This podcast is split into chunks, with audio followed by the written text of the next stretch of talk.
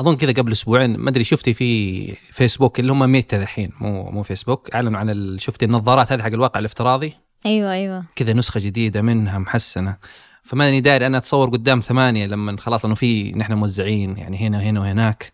مم. ممكن كذا يرسلوا لنا خلاص إنه عشان تكون تحضر في المكتب ولا شيء وتحضر الفعاليات إنك خذ لك أرسلنا لك مع اللابتوب نظارة جديدة يعني كذا Oculus Rift مم. طيب أنت دحين نفترض إنه ثمانية حتنتدبك إلى اسكتلندا الله. بس إنك بشرط إنك لما تشتغلي هناك آه، تلبسي ال- الخوذة هذه. هل تشوفيها إنه كذا يعني تلبسيها ولا حتقولي لا أكيد. مشوني بال webcam؟ يعني هل أنت أصلا تتخيل نفسك إنك تعيشي كذا في الميتافيرس والواقع الافتراضي؟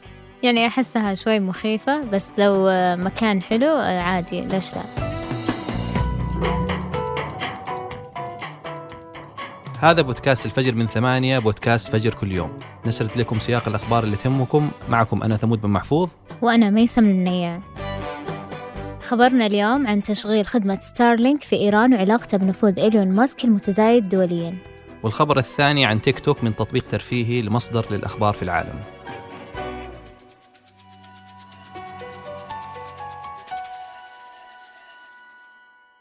المظاهرات الإيرانية المتواصلة من أكثر من شهر أجبرت النظام الإيراني على اتخاذ إجراءات صارمة منها قطع شبكات الإنترنت لمنع التواصل وتقييد نشر ما يحدث في الاحتجاجات الإيرانية.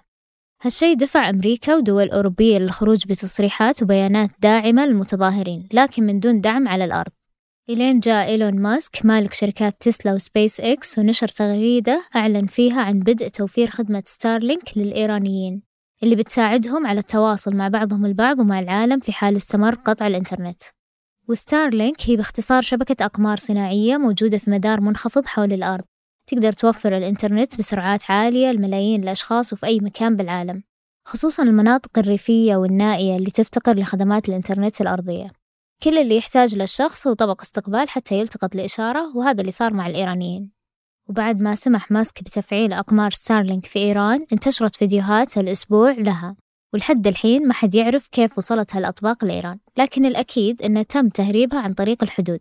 وماسك سوى نفس الشيء في أوكرانيا قبل أشهر بعد ما وفر حوالي عشرين ألف طبق استقبال حتى يساعد الأوكرانيين في التواصل عبر الإنترنت ونشر قضيتهم بعد انقطاع خدمات الإنترنت الأرضية بسبب الغزو الروسي. لكن إيجابيات ستارلينك ما اقتصرت على التواصل بين المدنيين حتى القوات الأوكرانية استفادت من الأقمار الصناعية وحققت بفضلها مكاسب ما كانت بتتحقق من دون تواصل وتنسيق. هالخطوة خلت الأوكرانيين ممتنين لماسك اللي قدم لهم خدمة ساهمت إلى جانب الدعم العسكري الغربي في تعزيز إمكانات القوات الأوكرانية. أسباب دعم ماسك لأوكرانيا والشعب الإيراني غير واضحة لكن في من يشوف هالدعم وسيلة لتعزيز نفوذه خصوصا إن هالأشياء عززت مكانته في العالم وخلى اسمه متداول بجانب كبار مسؤولي الدول وأهم وزارات العالم مثل البنتاغون. لكن مع استمرار تقديم مالك سبيس إكس خدمات ستارلينك بشكل مجاني رغم تكلفتها الكبيرة وخسائر الشركة اللي وصلت في أوكرانيا لحد الحين 80 مليار دولار بدأ البعض يشكك في غاياته. مثل وزير العمل الأمريكي السابق روبرت رايك اللي ربط قدرة ماسك على توفير الإنترنت للناس أو منعهم من الوصول له برغبته في شراء تويتر وحديثه عن حرية الرأي والتعبير. وتساءل هل ماسك فعلا يبغى يوفر الإنترنت للجميع من دون تمييز؟ ويخلي منصات التواصل جنة آمنة لصناعة المحتوى والتعبير بدون خوف من الحظر والإلغاء؟ أم إنه يبغى يعزز نفوذه حتى يصير قادر على التحكم في المحتوى وتدفق الإنترنت؟ هذه التساؤلات تفتح موضوع يعرف بالدكتاتورية الرقمية وهي استخدام الإنترنت والتكنولوجيا للتحكم بالناس وتوجيه آرائهم وعواطفهم. الخوف طبعا أن نفوذ ماسك المتزايد يمهد لنشوء نوع جديد من الدكتاتورية الرقمية نوع متعلق بالأشخاص والكيانات الخاصة مو الدول. روبرت رايك الوزير الأمريكي السابق اللي يحذر من غايات ماسك يقول إن مالك تسلا يسوق نفسه كداعم لحرية التعبير رغم إنه في الواقع بعيد كل البعد عن ذلك ويستشهد بحضرة لبعض منتقديه في تويتر ومنهم رايك نفسه. ومقالة رايك فيها نوع من التحامل ضد ماسك لكنها تطرح أفكار جديرة بالذكر ومنها إن ماسك غايته مو تحرير الإنترنت ولكن تقليل المحاسبة فيه. وهذا خطير لأنه يسهل انتشار نظريات المؤامرة مثل ما صار مع التضليل المتعلق بلقاحات كورونا أو استغلال وسائل التواصل لتمرير أجندة سياسية معينة. وعشان كذا يقول رايك خطط ماسك ومنها الاستحواذ على تويتر هدفها زيادة النفوذ وإن آخر همه الحرية. معارضينه يقولون إنه ضروري يكون عند أصحاب النفوذ ثبات واستشعار بالمسؤولية وهذه الصفات ما يشوفونها في ماسك. مثلا في أغسطس الماضي قال إنه بيشتري مانشستر يونايتد وبعدها بدقايق كتب إنها مجرد مزحة. لكن في أمثلة أخطر مثل لما قال قبل سنتين إن الأطفال محصنين من كورونا أو استغلاله لتويتر حتى يرفع قيمة عملاته الرقمية. حتى تغريداته أن صندوق الاستثمارات العامة في السعودية وعد بتقديم تمويل لتسلا رغم أن الصندوق ما تعهد بشيء هالتصرف فتح معركة بين ماسك ومستثمرين تسلا اللي رفعوا دعوة قضائية عليه لإجباره على تعويضهم لأنه قدم معلومات غير دقيقة. ومع قرب استحواذ ماسك على تويتر في مخاوف أنه يستغل المنصة في التهرب من مسؤوليته عن أي تبعات سلبية لتغريداته. ولهالسبب معارضين ماسك ينادون بإيقاف الصفقة والحد من نفوذه المتزايد. ومع ذلك شرائح أخرى تدعم جهود ماسك بتحرير الإنترنت اللي بتخلي الناس تصير تقدر تبدي رأيها بدون خوف من الحظر. وعشان كذا قرر يستحوذ على تويتر وهذه الخطوة رحب فيها الجمهوريين والمحافظين في أمريكا اللي يتهمون شركة تويتر بالترصد لهم وحجب آرائهم. مثل لما شفنا منع ترامب وغيره من الشخصيات المحافظة من التغريد. مناصرين ماسك يشوفون أن التغييرات اللي وعد بها مهمة وفي صالحهم. لكن هذه التغييرات تشمل تعزيز شفافية تويتر وتقييد سياسات الإشراف على المحتوى اللي تسببت في حظر الكثير من الحسابات. ماسك اقترح أنه يخلي خوارزميات تويتر مفتوحة المصدر بحيث يكون كل شخص قادر على عرض الإصلاحات والتغييرات فيها. طبعا هذه التغييرات الجذرية ما راح تحصل بسهولة إلا إذا كان تويتر شركة خاصة ينفرد بالقرار فيها شخص واحد. ولذلك قرر ماسك يوفر تمويل كافي حتى يطلعها من سوق الأسهم. ويكون قادر على إدخال التغييرات اللي يبغاها بدون ضغط من المساهمين. لكن مساعي ماسك هذه بدأت تلفت الانتباه خصوصا مع تصاعد نفوذه السياسي اللي برز في أوكرانيا وإيران. هالنفوذ وصل ذروته هذا الشهر لما اقترح خطة تضمنت تسليم أوكرانيا أجزاء من أراضيها لروسيا وهالتغريدات أغضبت الأوكرانيين والرئيس زيلينسكي. وبغض النظر عن هالجدل اللي يهمنا هو كيف قاعد ماسك يوظف ثروته وشهرته في تعزيز نفوذه العالمي وكيف أصبح أكثر جرأة في التدخل في شؤون سياسية حساسة. لدرجة في تقارير صارت تتكلم عن دوره في تعقيد جهود أمريكا الدبلوماسية في التعامل مع أزمة أوكرانيا وكيف أن الدبلوماسيين الأمريكيين اضطروا للتأكيد لحلفائهم أن مجرد مواطن وتغريداته لا تمثل وجهة نظر الدولة. وقبل أسبوعين طلع ماسك ونفى تقارير قالت أنه تكلم مع بوتين عن الحرب الأوكرانية وفي نفس الفترة انتشرت تقارير عن طلبة من البنتاغون دفع تكاليف تشغيل خدمة ستارلينك في أوكرانيا. لكنه بعدين سحب الطلب وطلع بتغريدة وقال إن ستارلينك أصلا خسرانة ومع ذلك بتواصل تقديم الخدمة لأوكرانيا بالمجان. التغريدة عموما يعتبرها البعض مناورة من ماسك للحصول على دعم أكبر من الحكومة الأمريكية. خصوصا أنه ذكر أن الشركات الأخرى وغالبا يقصد شركات الأسلحة ما راح تقدم خدماتها بالمجان وتحصل على أموال من الحكومة ودافعي الضرائب. طبعا الحكومة الأمريكية دعمته خلال العشرين سنة الماضية دعم كبير وأعطته عقود حكومية مربحة وحصرية لكنها مؤخرا صارت تتعاون مع الشركات المنافسة له. وهذه خطوة إن دلت عن شيء فهي تدل على استشعار الحكومة الأمريكية لتأثيره على الرأي العام والشؤون الدولية. وعشان تحد من نفوذه اللي تنامى بسبب امتلاكه تقنيات مؤثرة مثل الإنترنت الفضائي.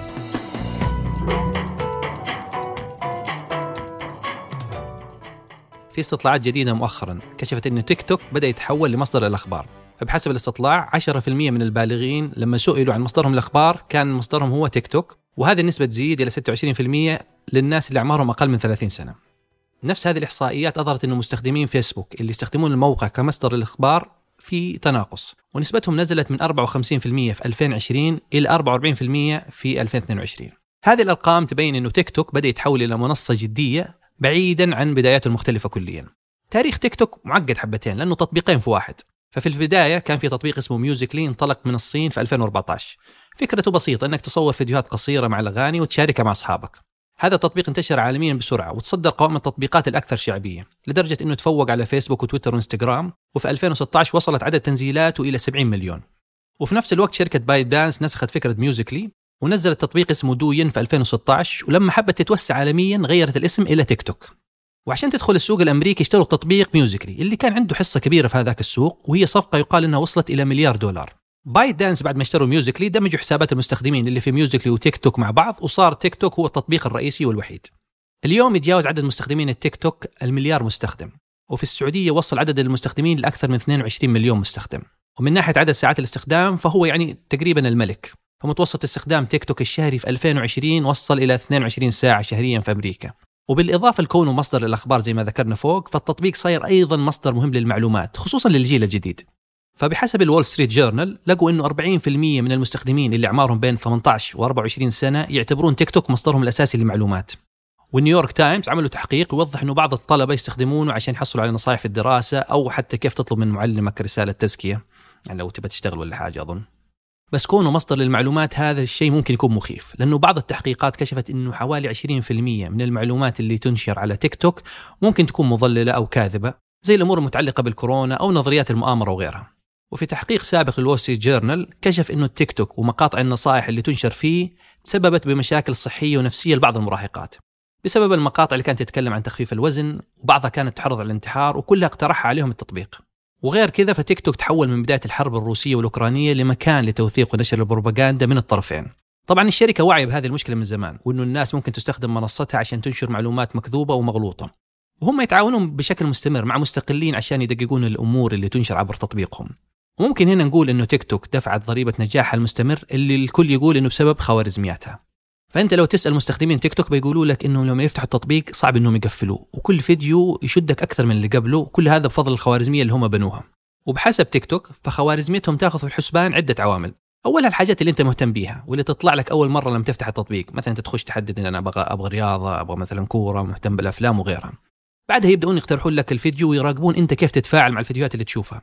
هل في أغاني شدتك كلمات معينة الوصف ممكن يخليك تجلس هل كملت الفيديو ولا ما كملته؟ بناء على هذه المتغيرات ومتغيرات أخرى ثانية هم يحاولوا يقترحوا لك فيديوهات عشان تجلس تستخدم التطبيق وفي نفس الوقت تشوف الإعلانات اللي دخلوا من وراها 4 مليار دولار في 2021 لكن هذا كله ما يعني إنه التطبيق ما في منه خوف.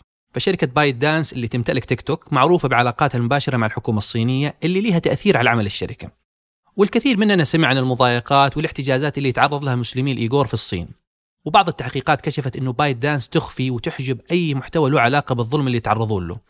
وهذا شيء يساعد الحكومة الصينية تستمر في انتهاكات حقوق الإنسان اللي تصير في مقاطعة شينجيانغ وفي نفس الوقت يساعدون الحكومة بشكل محلي في مراقبة المستخدمين اللي ممكن ينشرون شيء ينتقدون فيه اللي يصير. ولو بنشوف الموضوع عربيا فتيك توك حجبوا حسابات خاصة ببعض القنوات الإخبارية الفلسطينية في بدايات 2021 وحتى حجبوا حساب حق مؤثرة فلسطينية عشان انتقدت سيري اللي في الهواتف الآيفون لما سألت سيري إيش الوقت في فلسطين وسيري قالت إنه ما أعرف إيش هي فلسطين. وحتى عالميا في أيام الرئيس الأمريكي ترامب كان في قرار بحجب التطبيق بسبب المخاوف الأمنية المتعلقة به، لكن هذا الشيء ما صار. والمخاوف الأمنية اللي أنكرتها بايت دانس تتلخص إنه تيك توك ممكن يستخدم البيانات اللي جمعها عن المستخدمين الأمريكان للتجسس أو توجيه الرأي الأمريكي. حتى بعض القنوات الإخبارية الأمريكية اتهمت شركة بايت دانس أنها تروج لمقاطع الرقص للمراهقين الأمريكان في حين أنها تروج لمقاطع للهندسة والرياضيات في الصين عشان جيلهم يطلع أحسن من الأمريكان. وعشان يتم تجنب تهم جمع بيانات المواطنين الأمريكان وافقت بايت دانس أنه بيانات المستخدمين في أمريكا ما حتغادر بلدهم. وفي يونيو الماضي تم نقل كل البيانات الخاصة بالمستخدمين وحفظها في مراكز بيانات أوراكل في أمريكا. لكن الموضوع كمان ما وقف هنا. فقبل كم يوم كشفت فوربس أنها حصلت على تقارير داخلية من شركة بايت دانس وكشفت هذه التقارير أن الشركة كانت تراقب وتستهدف مواطنين أمريكان ما لهم علاقة بالشركة أو بالمنصة بس أنه فوربس ما كشفوا عن أي تفاصيل إضافية عشان لا يكشفوا عن مصادرهم. بايت دانس ما علقت على الخبر لأنه ما زال يعني شيء جديد. لكن في كل مرة يتم توجيه اتهامات التجسس أو التعاون مع الحكومة الصينية كانوا يؤكدون أنه هذا الشيء غير صحيح. وما دمنا نتكلم عن الشركات الصينية وقبل لا ننهي الخبر فقبل أمس أعلنت أمريكا القبض على الصينيين بتهم التجسس ومحاولة رشوة موظفين حكوميين مقابل معلومات فيما يتعلق بقضية شركة هواوي الصينية. وبعض المحللين يتوقعون صدور قرارات جديدة منها احتمالية حجب تيك توك في أمريكا. أخبار على السريع. الخبر الأول بعد استقالة ليز تريس فاز من حزب المحافظين المرشح ريشي سوناك ليكون رئيس الوزراء الجديد. وكان قبلها وزير المالية لحوالي سنتين وهو يعتبر أول رئيس وزراء من أصول هندية يشغل المنصب بتاريخ بريطانيا. وقال في خطابه بالأمس أنه بيتخذ قرارات صعبة وتعهد بتوحيد البلاد. وفي الخبر الثاني بدأ في الرياض مؤتمر مبادرة مستقبل الاستثمار اللي بيستضيف أكثر من 400 تنفيذي أمريكي وأكثر من 80 شركة صينية. المبادرة اللي بدأت من 2017 هدفها جذب أكبر الاستثمارات الخارجية للسعودية بتكون نسختها السنة الأكبر مقارنة بنسخ السنين الماضية. والمؤتمر بدأ أمس الثلاثاء وبيستمر إلى بكرة الخميس. والخبر الثالث في مقابلة أمس لسفيرة السعودية في أمريكا الأميرة ريما بنت بندر قالت أن موقف السعودية في قرار أوبك الأخير كان اقتصادي بحت وما هو سياسي وأن إعادة تقييم أمريكا للعلاقة مع السعودية إيجابي لأن السعودية اليوم اختلفت عن ما كانت عليه قبل عشر سنوات.